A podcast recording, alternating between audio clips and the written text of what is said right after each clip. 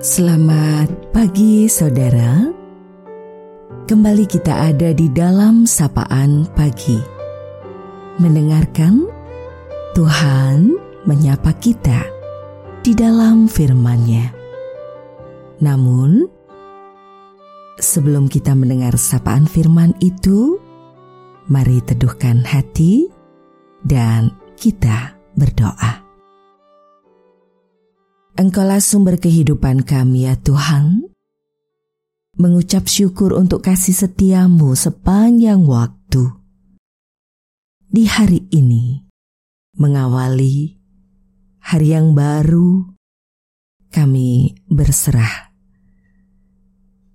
Memohon penyertaanmu senantiasa agar dimampukan untuk menjalani hidup sesuai kehendakmu dengan mendengar, merasakan, dan belajar memahami firman-Mu bagi kehidupan.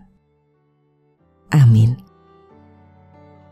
Sapaan firman Tuhan akan kita terima melalui bagian Surat Rasul Paulus dalam Efesus pasal 6 di ayat 24 kasih karunia menyertai semua orang yang mengasihi Tuhan kita Yesus Kristus dengan kasih yang tidak binasa.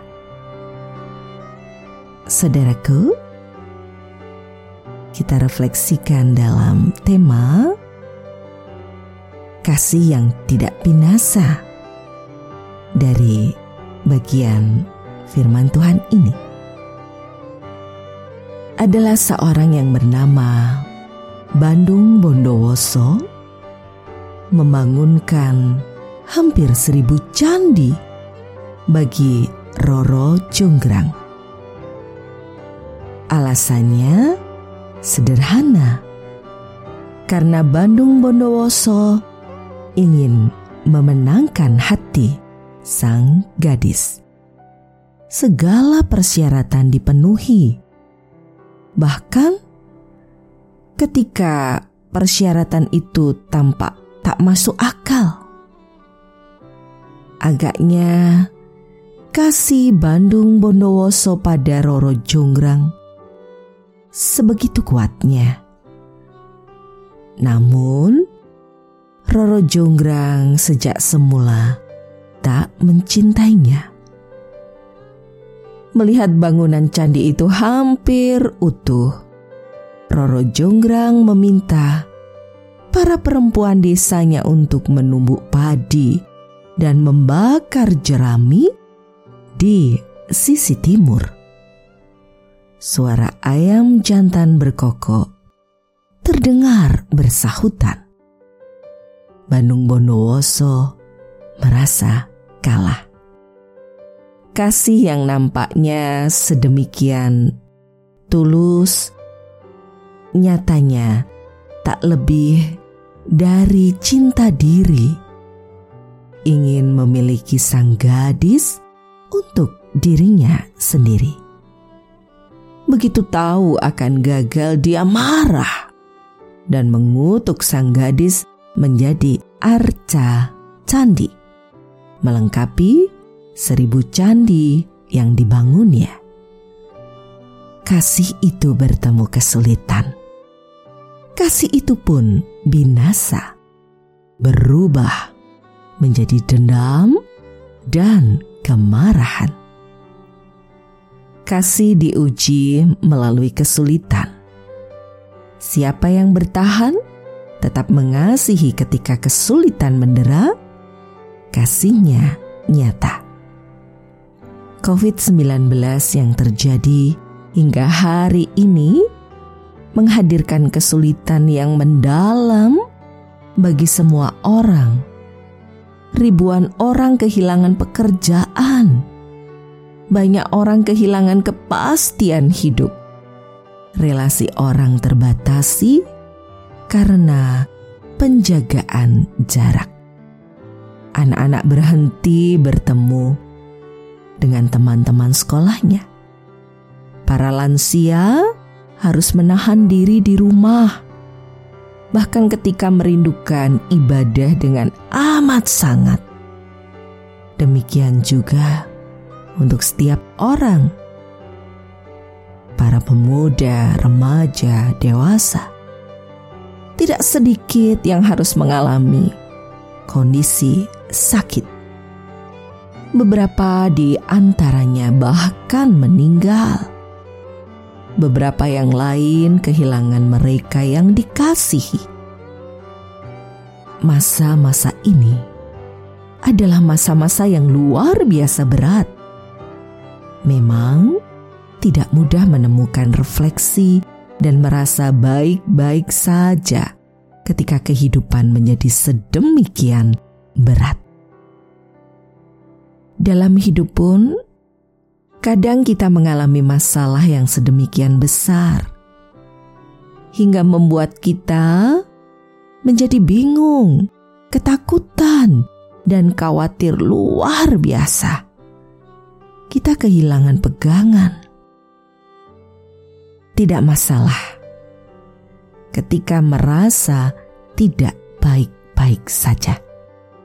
Yesus pernah mengalaminya. Paulus pun pernah mengalaminya di penjara. Namun, di dalam kesulitan, mereka tetap percaya Tuhan tetap menemani mereka di dalam kesulitan. Tuhan tidak sedang meninggalkan, tapi sedang bersama mereka merasakan kesedihan dan kepedihan. Karena itulah mereka memilih tetap setia sampai akhir hidup. Kasih mereka tidak binasa ditelan masalah dan derita. Tidak serupa kasih Bandung Bondowoso yang luluh bertemu masalah. Bagaimana dengan cinta kita kepada Tuhan? Saudara, kasih sejati ditantang dengan segala kesulitan tetaplah mencinta. Tuhan merengkuh kita dengan segala cinta dan kasihnya. Kita akan akhiri sapaan pada pagi hari ini. Mari kita berdoa bersama. Terima kasih ya Tuhan. Cinta kasih-Mu menjadi sumber kekuatan. Engkau terus ada di dalam sepanjang waktu hidup kami.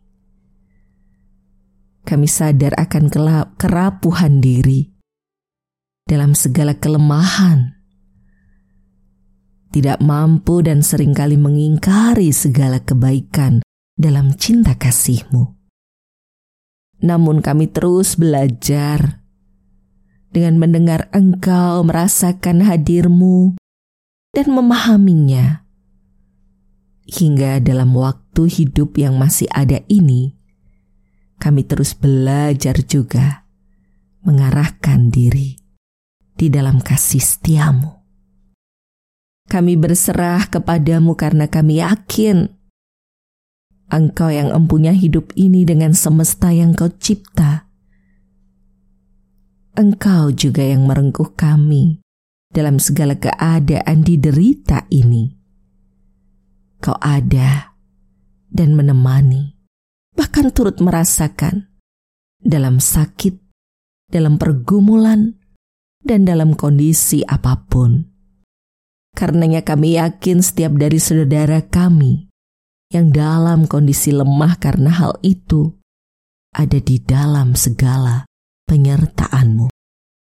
Kami berserah kepadamu juga untuk segala semangat juang dari setiap orang, juga dari para pemimpin di negeri Indonesia ini, untuk mengalami pemulihan bagi kehidupan yang lebih baik.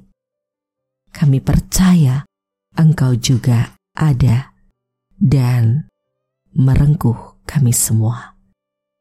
kami berserah kepadamu.